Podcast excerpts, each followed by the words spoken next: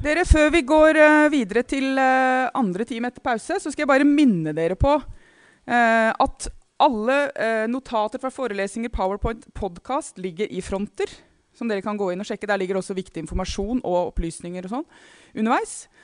Og så vil jeg minne dere om at dere neste tirsdag, før forelesningen med Oddbjørn Lærvik, er invitert spesielt på boklansering av en bok som er skrevet av studenter på TF, som jeg har vært med og redigert i foajeen her oppe fra klokka kvart på ni.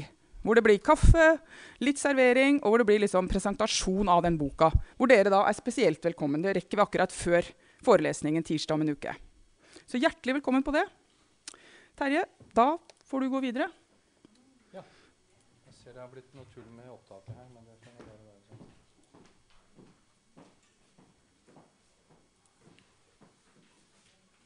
Ok.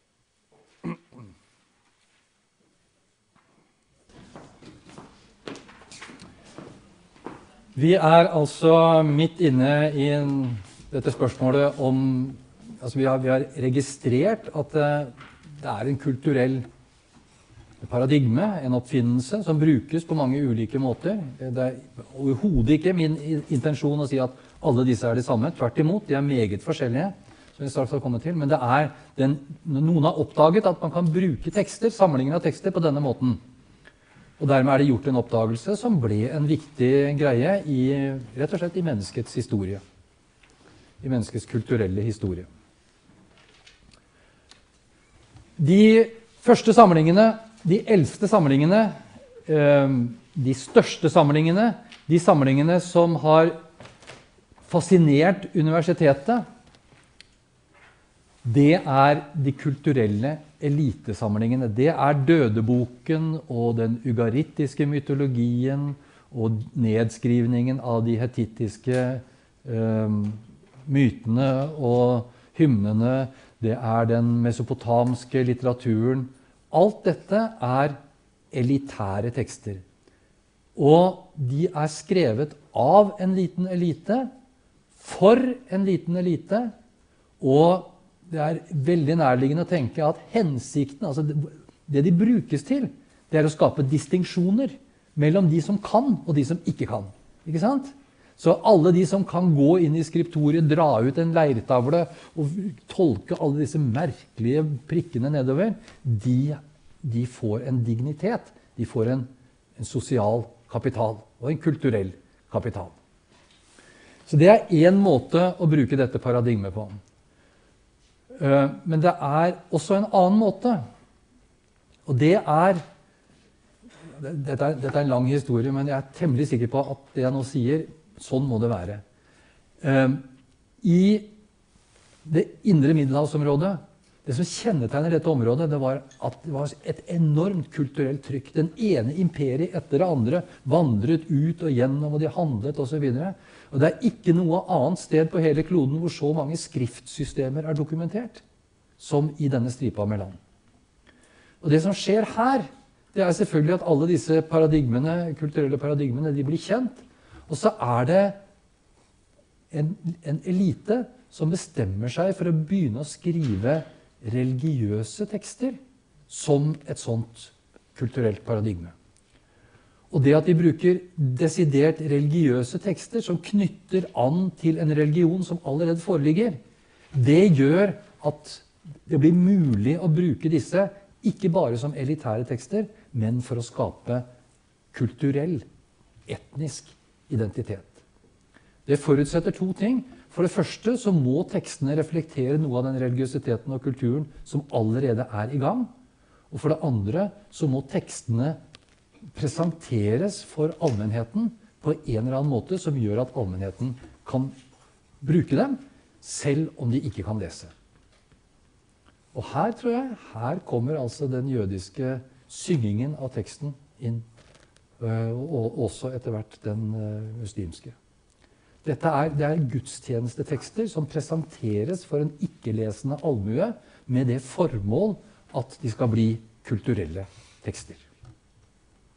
Ser dere poenget? Så man har et paradigme som man så eh, eh, ja, endrer, transformerer. det er ikke bare disse og Det er ikke sånn at det, det, er the good guys og the bad guys her. Det er selvfølgelig mye makt også i den siste måten. Det er, det er jo den som synger, som bestemmer hva de andre skal høre. ikke sant? Altså det, det, er fortsatt et instrument for de, å lage distinksjoner og hierarkier osv. Men det er to ulike måter som disse paradigmene kan virke på. Eh, det er grunn til å tro at noe av det samme kanskje skjedde med Avesta. Eh, men det er også grunn til å tro at f.eks. Henas-litteraturen kanskje var litt mer sånn elitær litteratur. Så dette kan, ha, dette kan, ha, levd om hverandre, men hvis her ser vi to ulike spor, på en måte, to ulike strategier i bruken av, av dette paradigmet. Ok. Kom igjen.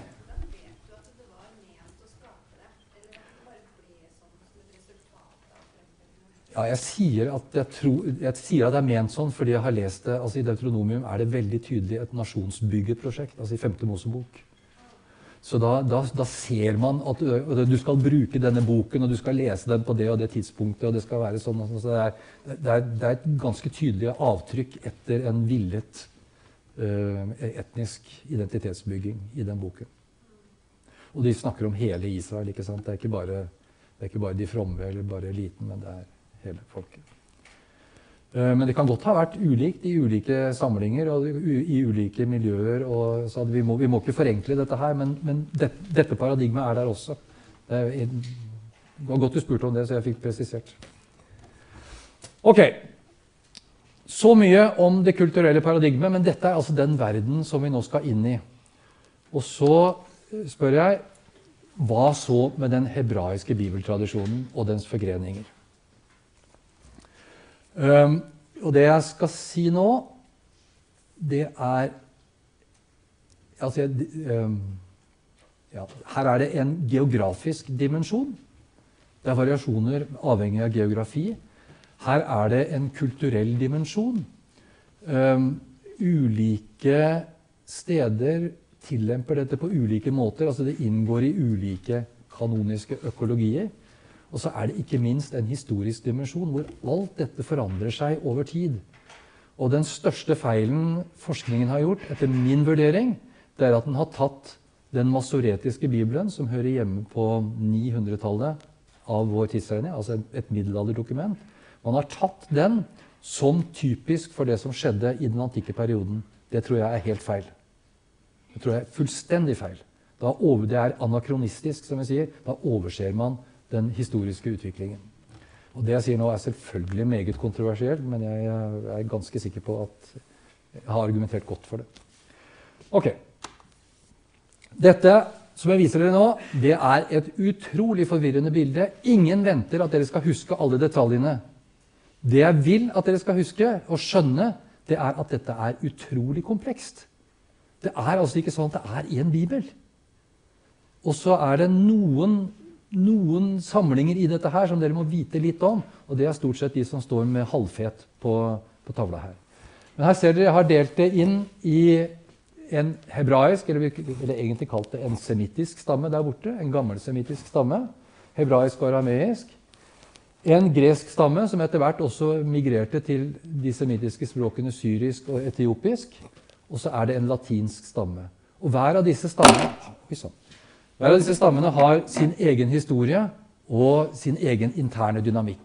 Og hver av dem er faktisk gjenstand for forskning på universitetet på egne premisser. Så dette kunne vi egentlig holde på med veldig lenge, men det skal vi ikke gjøre. Dette starter etter mitt skjønn med noen gammelhebraiske samlinger her bak. Og det jeg tror det er mange samlinger.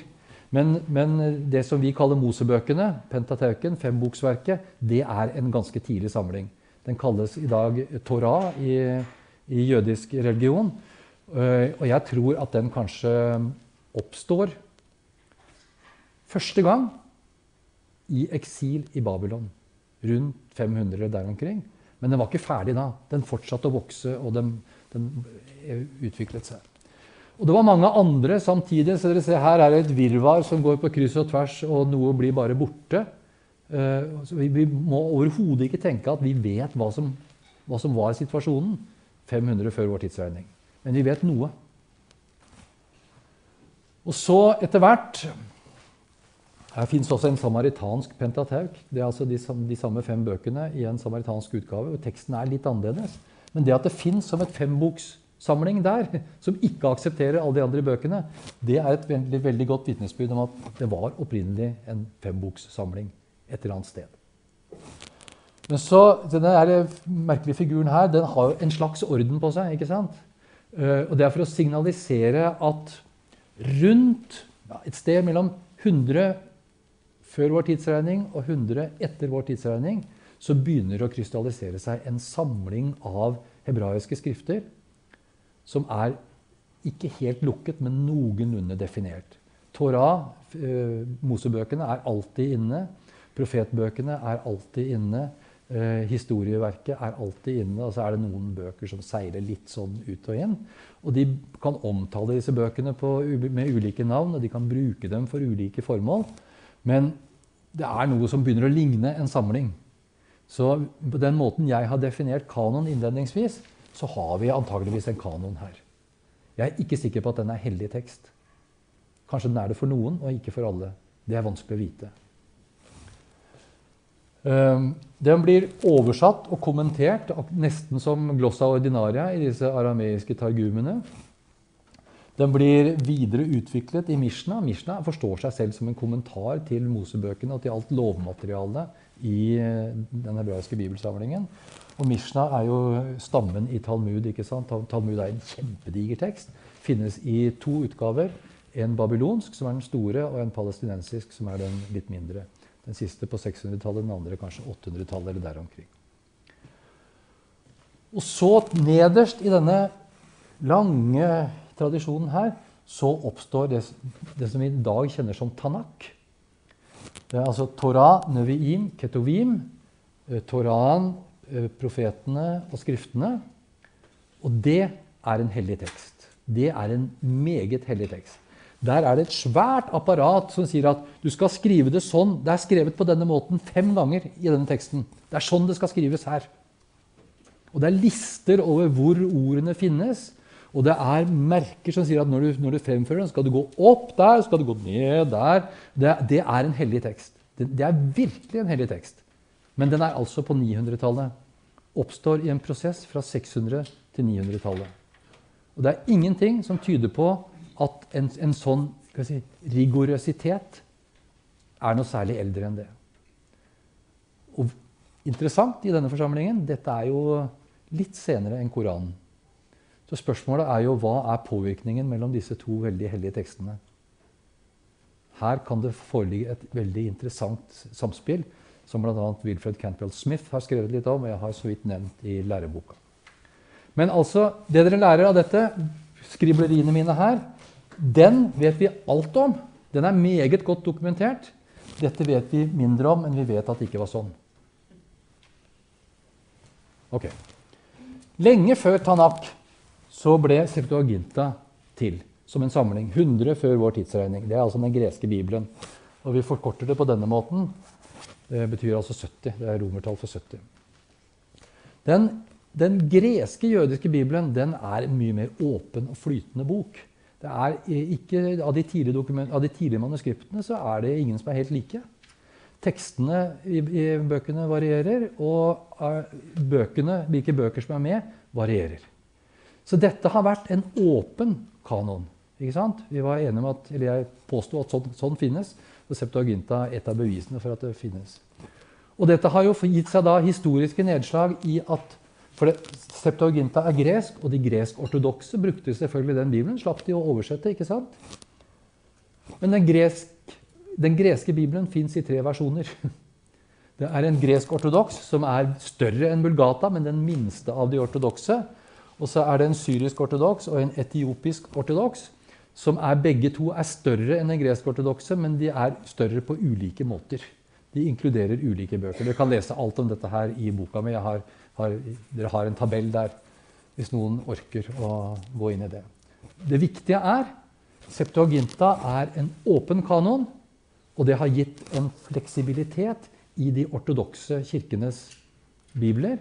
Det har også nedfelt seg i at Bibelen på en måte er en mindre fast element i den greske, den gresk-ortodokse religionen enn det er f.eks. i den protestantiske eller i islam. Sånn at I gresk-ortodoks religion så har Skriften kulturelt, et annet kulturelt sted enn hva den har i norsk kristendom, f.eks. Så skjedde jo det da, etter hvert at eh, folk snakket ikke gresk lenger. Og Kirken begynte å bruke latinske oversettelser. For de kristne kirkene var det aldri noe problem å oversette Bibelen. Det sier noe om at Bibelen nok ikke var så heldig for de kristne som den var f.eks. For, for jødene eller for muslimene. Det har aldri vært en stor diskusjon om vi kunne oversette kristne bibler eller ikke i, i de kristne kirkene. Så det gjorde de, men, men kvaliteten på disse oversettelsene var av varierende nivå. Så de utpekte datidens polyhistor, en, en kjempeflink eh, språkmann, Jeronimus, til å lage en autorisert utgave av Vulgata. Det kan si at Dette er begynnelsen på kanonisering i de, i de kristne kirkene. Og Han lagde en, og han var av den på, på den tiden sprø idé at siden disse bøkene i Det gamle testamentet egentlig var hebraiske, så måtte det være en fordel å oversette fra den hebraiske teksten, ikke fra den greske teksten. Og Han oppdaget, han var den første som oppdaget at Jeremia-boka er jo helt annerledes. Og salmene er annerledes òg. Det er flere salmer i den greske bibelen enn det er i den hebraiske. Men han trøstig satt der i Betlehem sammen med rabbiene og oversatte og, og, kom ut med dette her og fikk gjennomgå så til de grader. For folk sa du er jo ikke vår bibel du har oversatt, du har oversatt den hebraiske. du. Og så ble det en kjempediskusjon. Og, og salmeboka finnes fortsatt i to utgaver i den latinske tradisjonen. Han ble tvunget til å lage en ny versjon, og så forhandlet man. Og resultatet av denne prosessen på 400-tallet skapte det som vi vanligvis da kaller for vulgata, som betyr 'den vanlige'. Det er den vanlige latinske teksten. Den ble altså ikke formelt kanonisert i den katolske kirke før etter reformasjonen, som en, som et, en del av motreformasjonen. Nå hadde disse gærne lutheranerne og andre fått sine bibler, så skulle selvfølgelig den katolske kirke også ha sin. Uh, og de hadde originalen. Vi andre vi hadde jo bare oversettelser. Men et, et øyeblikk. Uh, men den hører altså hjemme på 400-tallet, og den har en eller annen form for kanonisk status fra 400-tallet i vår tidsregning. Vær så god. Ja, bare når jeg ser den kisten her, det er veldig interessant. Det er veldig mange varianter og veldig utvikling her. Ja. Eh, så bare lurer jeg på hvordan, hvordan reagerer fundamentalister på det? Altså, de mener jo at eh, det er Guds ord ikke sant, som er nærheten av kontinentet direkte. Ja.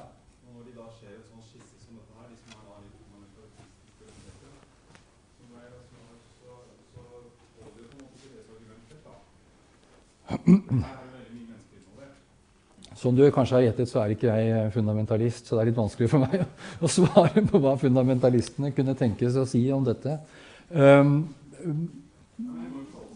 ja, nei, de gjør jo ofte ikke det, da. Altså det, men den historien som jeg forteller her, det er jo ikke hverdagshistorien i de kretsene. Det har faktisk ikke vært hverdagshistorien på universitetet heller. For det universitetet har gjort, det er jo å lansere denne som alternativet. Ikke sant? Så denne, denne, dette mangfoldet og fleksibiliteten og de, disse ulike kanoniske økologiene, de er egentlig, dere er de første som blir eksponert for dette bildet så, så grundig som det jeg gjør nå. Altså.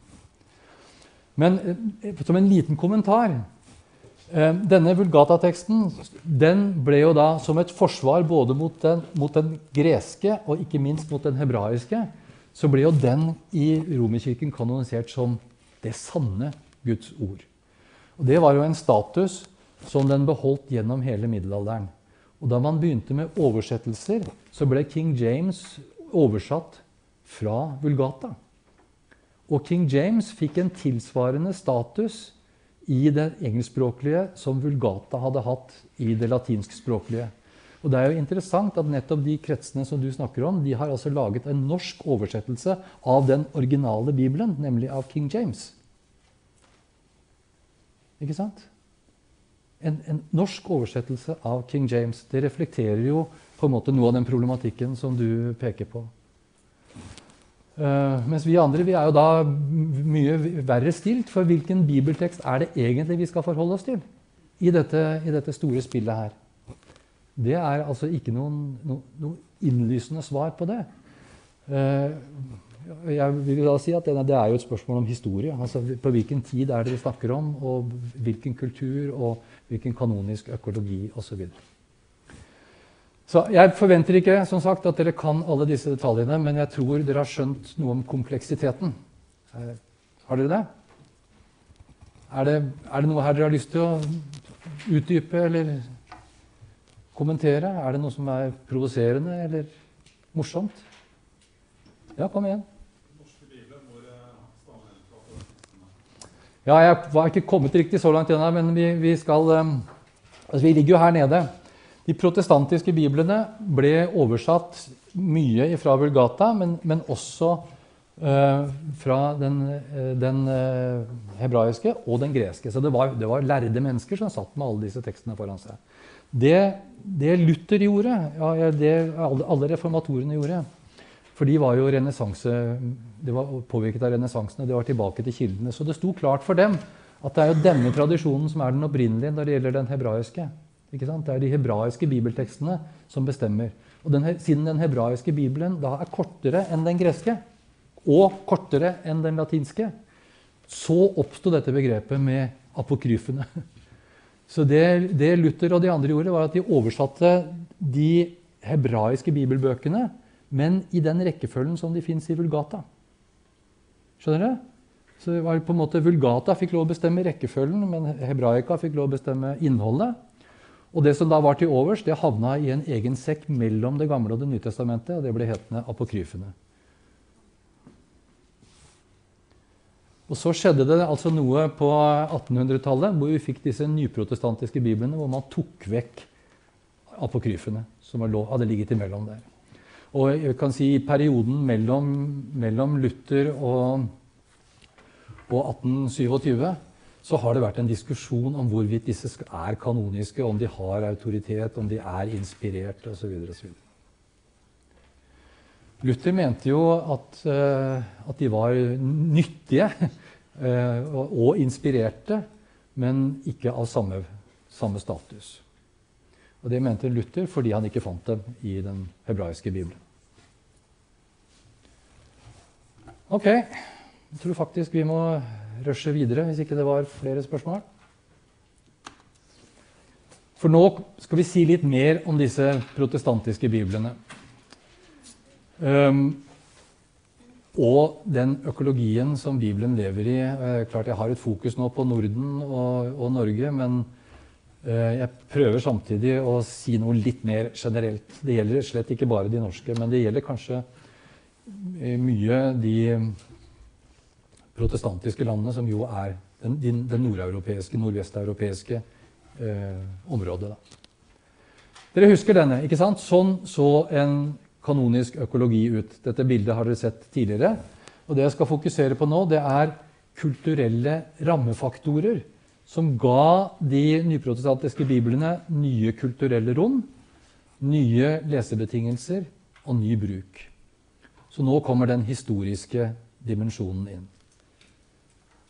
Dere er med på prosjektet? Jeg skal altså se hvordan denne bestemte kanoniske økologien endrer seg med noen bestemte historiske ting som skjer fra reformasjonen og utover. Og da har jeg, da har jeg lagt på dette bildet har jeg lagt uh, de kanoniske økologiene etter hverandre her. liksom. Jeg bare signalisere at De finnes i ulike versjoner. Institusjonene kan forandre seg, praksisene kan forandre seg. Og så har jeg laget sånn veldig omtrentlige eh, årstall for å signalisere i sånn cirka hvilken periode ting skjedde som er viktig. Og det som er, det som er veldig viktig for meg å understreke nå, det er ikke avgjørende f.eks. At, at Gutenberg finner opp boktrykkerkunsten. Det er ikke i seg selv avgjørende. For at boken skal få en kulturell virkning, så må det finnes A. Mange boktrykkere. B. Mange rike mennesker som kan kjøpe bøker. C. Mange mennesker som kan lese bøker. Og det siste tar jo mye lengre tid enn det å finne opp og trykke en bok. Så dette er en lang, lang lang prosess, og jeg prøver å angi sånn cirka de årstallene hvor det begynner å bli en sosial eller kulturell effekt av det som har skjedd. Det som skjer i forbindelse med reformasjonen, det er jo at Kirken, som har vært pavens kirke, blir kongens kirke. Og Bibelen blir kongens bibel. I Danmark-Norge så har vi Fredriks og Kristians og Fredriks og Kristians og Fredrik og Kristians bibler. De kommer altså på løpende bånd. Hver konge hver, en ny bibel. Hva er effekten av dette? Hva, tenk, i, en, i, et splittet Europa hvor det knapt nok har vært stater, så slår altså små fyrster seg opp. Hva er det de bruker som begrunnelse for å etablere sitt område? Språk. Her snakker vi samme språket. Ålreit, så oversetter vi da en bok, f.eks. Bibelen, til det språket, f.eks. dansk. Så sprer vi den boken til alle de menneskene som skal høre inne i dette imperiet. Og så har vi en identitetsmarkør. Så her får Bibelen plutselig en helt annen og etnisk, nasjonal, statlig betydning som den ikke har hatt før. Vær så god.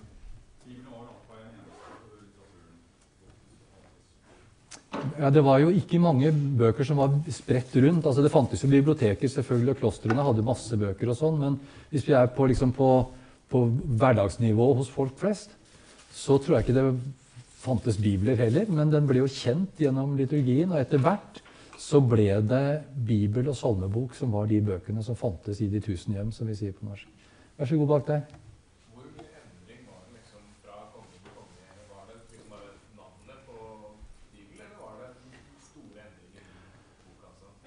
Nei, altså ehm, Det var noen endringer. Og du kan si at diskusjonen Dette er veldig, faktisk veldig interessant, det spørsmålet du stiller nå. For kongen skulle ha en bibel fort.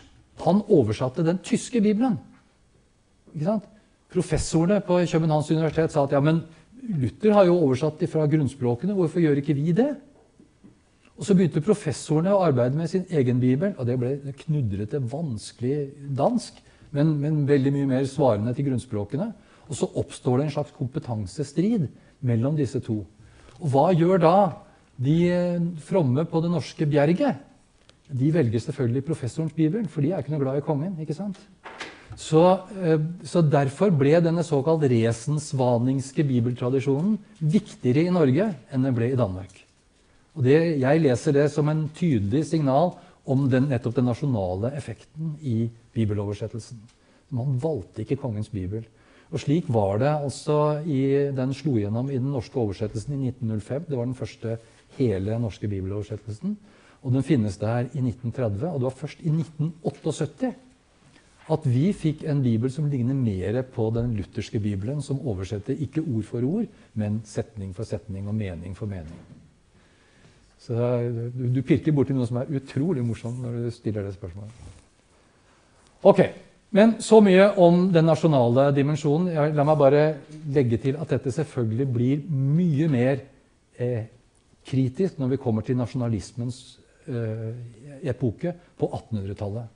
Og det, det, som da skjer, jeg var bare si det nå, da eh, gjenoversettes alle de protestantiske biblene nettopp som nasjonal litteratur. Og de dokumenterer språk, og de dokumenterer eh, på en måte mentalitet i de respektive land. Så disse biblene er vevd inn i de protestantiske landenes politiske historie.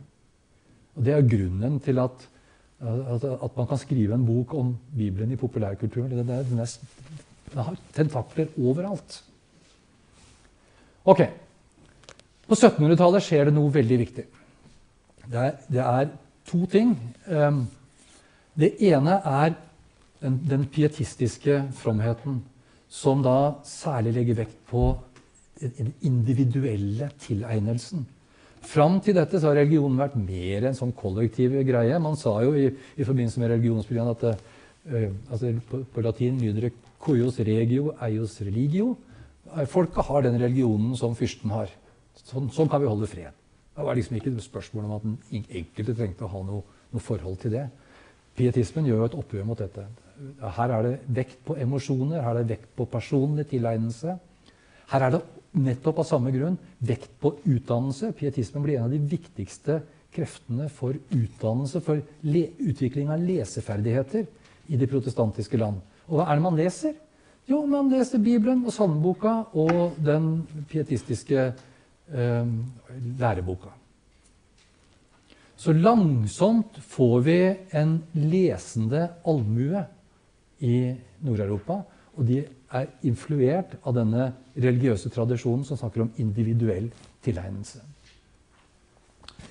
Eh, per 1800 var ca. 50% i Sverige lesedyktige. Det er grunn til å tro at Norge lå litt etter, men jeg har ikke funnet statistikker på det. Eh, Nederland lå helt på topp. De var oppe på 70% allerede på den tiden. Mens på verdensbasis var det 10 Så altså, den verden som dere lever i, hvor alle kan lese, og hvor alle kan lese alt fordi det er på Internett, det er en revolusjon i forhold til hvordan det var på, 18, på begynnelsen av 1800-tallet. Det er altså ikke mer enn 200 år siden. ikke sant? Men her har, her har akselerert. Alt dette gir jo da Bibelen igjen et nytt sted. Og det litteraturforskerne har forsket på eh, Den europeiske romanen forandrer seg når man går fra høytlesning til stillelesning. Det er, det er to ting som er viktige. og Det ene er at nå kan man, nå kan man skrive om temaer som man ikke kunne skrive om før. Politikk, f.eks. Du kan gi ut en bok anonymt, og ingen kan henge deg selv om du opponerer mot eh, det politiske systemet. Det er, det, Thomas More ble jo nærmest drept ikke sant, for sin Utopia. Men, men, nå kan den gis ut anonymt, trykkes, leses og få stor spredning uten at han trenger å stå liksom, personlig ansvarlig. Og du kan skrive om, om eh, erotikk, som, som det ikke var akseptert å snakke om i offentligheten. Det dukker nå opp her. Så eh, innholdet forandres. Settingen forandres også. Tidligere så har man lest i fellesskap, og man har lest høyt. Og fram til altså Tvers gjennom hele middelalderen så er det unntaket at folk leser stille. Og hvis de leser stille, så er det bare for å lese fort. Noen er flinke og kan lese stille, og de leser fort. Men de fleste leser høyt. De sier ordene så bortover sånn mens de snakker. Det kan man se i manuskriptkulturen. Det er det gjort eh, undersøkelser av. På 1700-tallet så endrer det seg. Og du får store grupper av mennesker som sitter hver for seg og leser den samme boken. Og som så kan møtes etterpå og snakke om det. Og De kan møtes på privat basis. Og det er ikke lenger f.eks. kirken eller presten eller hva det måtte være, som bestemmer hvilke tekster som skal leses, eller hvilke kontekster den skal leses inn i, eller hvilket tema i teksten som er viktige. Så det skjer en, en mangfoldig altså en pluralisering rett og slett, av lesningen. Og så skjer det jo også det da, at det blir eh, vanligere å eie bøker i denne perioden. I Danmark-Norge i hvert fall. Jeg vet ikke så mye om de andre. Kanskje det er mer vanlig. Det var tidligere i Tyskland. Så alt dette er i allmennkulturen en, en voldsom endring. Og så skjer det en like voldsom endring i filosofien. Først med opplysningstiden, og så med modernismen som jo handler om eh, autonomi, menneskelig autonomi. Man bryter med de gamle eh, tradisjonene, med de gamle eh, autoritetene. Og eh, på, på 1800-tallet så er jo altså, Bibelen framstår jo sånn som den er blitt lest i tradisjonell kirkelig lesning, fremstår Bibelen som helt umulig. Kirken har sagt at Jesus faktisk gikk på vannet. Det er ingen på 1800-tallet som tror at Jesus gikk på vannet. Vi må lese den teksten om Jesus som gikk på vannet, på en annen måte. Det må være noe symbolsk i den. den denne typen endringer i bibellesningen den finner sted ved de kritiske bibelstudiene ved universitetet. Og for I mitt fag, Det gamle testamentet, så starter dette altså på 1793 hvor det er en som gir ut en lang fire, fire binds avhandling om hvordan Mosebøkene kan ha blitt til. Og da har jo Moses ingenting med Mosebøkene å gjøre. Ikke sant? Og det har han fortsatt ikke på universitetet. Så um, det, er en, det er en historisk kritikk, og det er en filosofisk kritikk av de hellige tekstene som var helt ny. Aldri eksistert før. Så kommer denne Bibel- og nasjonalfølelsen, som jeg, som jeg kort nevnte i stad. Eh, Det er jo veldig veldig interessant i Norge, fordi at målbevegelsen, altså nynorskbevegelsens viktigste grep i Norge, det var å få oversatt en bibel. Og var, de, de nynorske bibeloversettelsene kom før bokmålsoversettelsene. Så dette var selvfølgelig da en del av kulturell identitet. ikke sant? Å få festet sin eh, mentalitet i en viktig bok. Da fungerer jo boka som, som chartertekst. Det er, jo, det er, jo, ingen hebraisk bibeltekst som har fungert på den måten. ikke sant? Så her skjer det noe helt ute. Stedet for bibelteksten blir igjen utvidet, forskjøvet ja, Utvidet, vil jeg kanskje sagt. Og så eh, Særlig i Norge, da, men også, også i Danmark, eh, litt i, i Sverige, så legger jo kongehusene vekt på å fornye sitt forhold til kirkene. Altså Det skjer demokratisering av kongedømmene, men kongedømmene holder fast ved den tradisjonelle tilknytningen til kirken. F.eks. i Norge ved kroningen, ikke sant? Eh, og som nå heter signing. Men alle, alle norske monarker har vært i Nidarosdomen og blitt bedt for av biskopene. Så det er jo også med å skape stedet for, for Bibel og kristendom. Men Bibelen blir jo her stående som en slags sånn ikon? For, for hele denne kulturelle bevegelsen. Um, så kommer altså denne modernismen, opplysningstid og modernisme.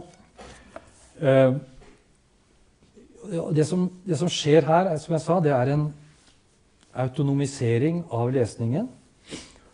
Og eh, et intellektuelt press som Bibelen aldri hadde hatt før.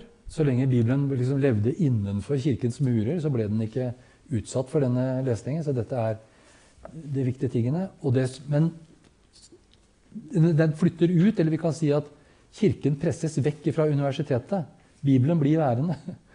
Og, og Derfor så får Bibelen noen nye rom som Kirken ikke lenger har. Uh, og det som da skjer, er, er, jo at man har fortsatt den tradisjonelle bibellesningen i kirkelige kretser og i vekkelsesbevegelser og sånn. Men i tillegg har man fått en ny lesning knyttet til universitetet og til den offentlige diskursen.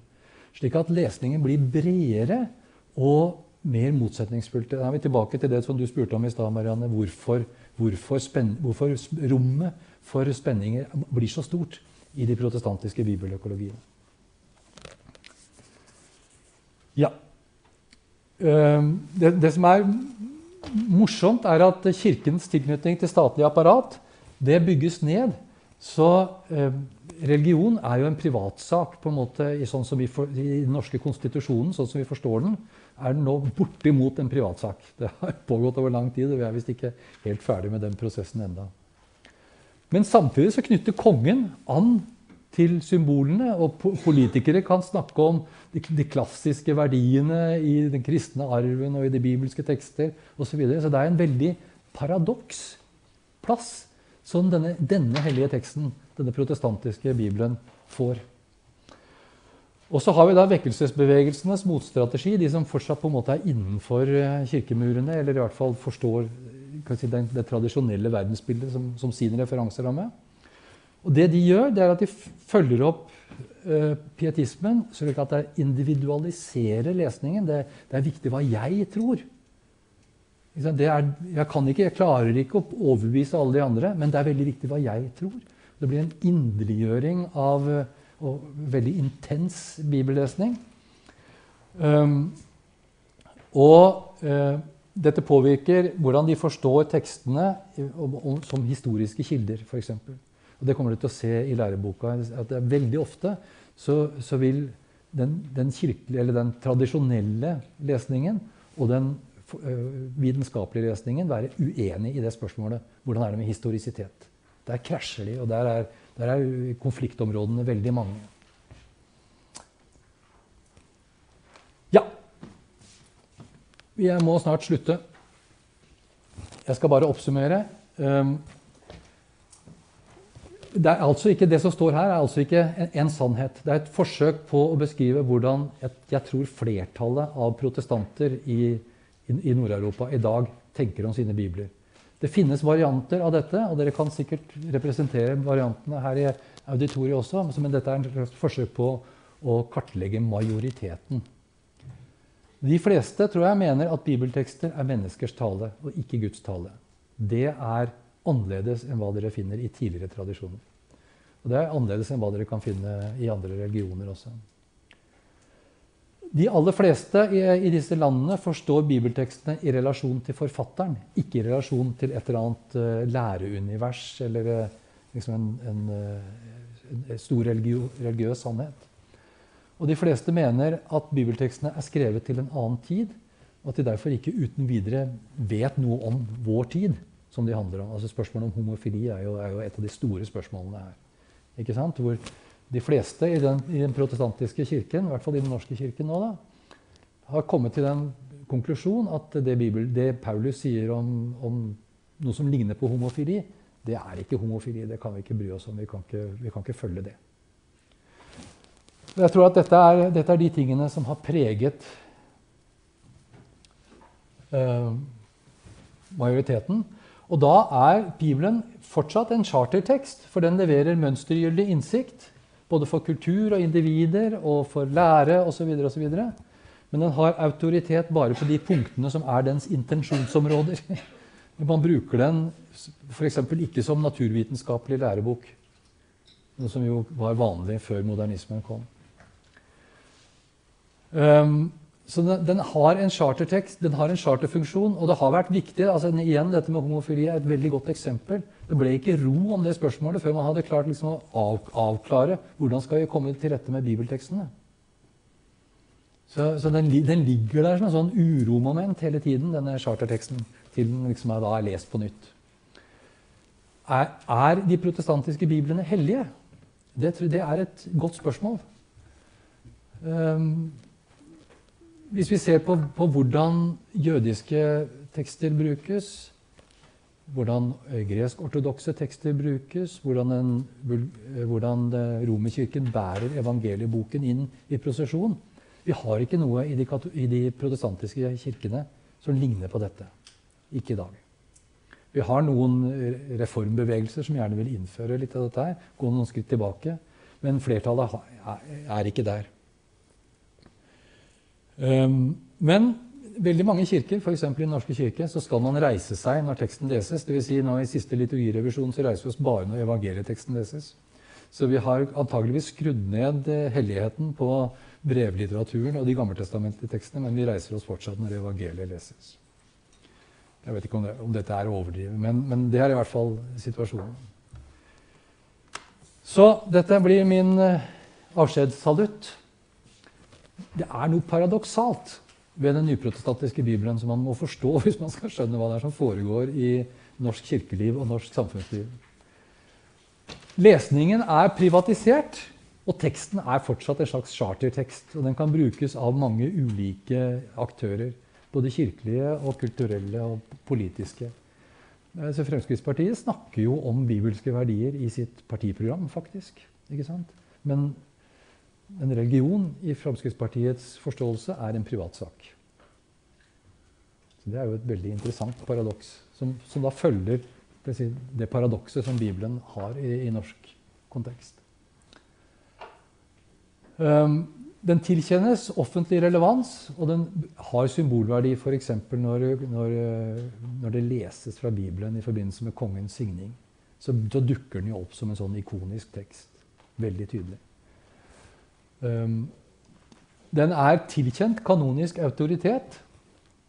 Det, det alle, alle, eh, som du spør altså ansvarlig i de protestantiske kirkene, vil si at vår lære bygger på Bibelen. Men det er jo ikke enighet om hva Bibelen egentlig sier. slik at den autoriteten den står til kontinuerlig forhandling hele tiden. Og Det er noe av det som også kjennetegner denne nyprotestantiske eh, økologien. Og den forsamlingen da, som tolker Bibelen, den er fordelt på ulike sosiale grupper og ulike sosiale lag. Ulike kulturelle tradisjoner, ulike institusjoner, ulike lesetradisjoner, ulike politiske interesser. Da er vi akkurat der hvor du er. Hvor det er så mange som har en aksje, og som kan på en måte, på en troverdig måte si at ja, men jeg forstår det sånn. Og det er ingen som kan si at du, tar- feil. Det, vil si, det, det kan man gjerne si, men det hjelper jo ingenting. De leser jo på den måten. ikke sant? Så dette, dette mangfoldet er noe av det, det paradoksale for en sånn tekst som fungerer som chartertekst. Ok, da er jeg ferdig, og vi har akkurat 20 sekunder igjen til å stille spørsmål, hvis det, er, hvis det var noen. Bare helt overkjørt? Ok, da sier vi det. Takk for i dag.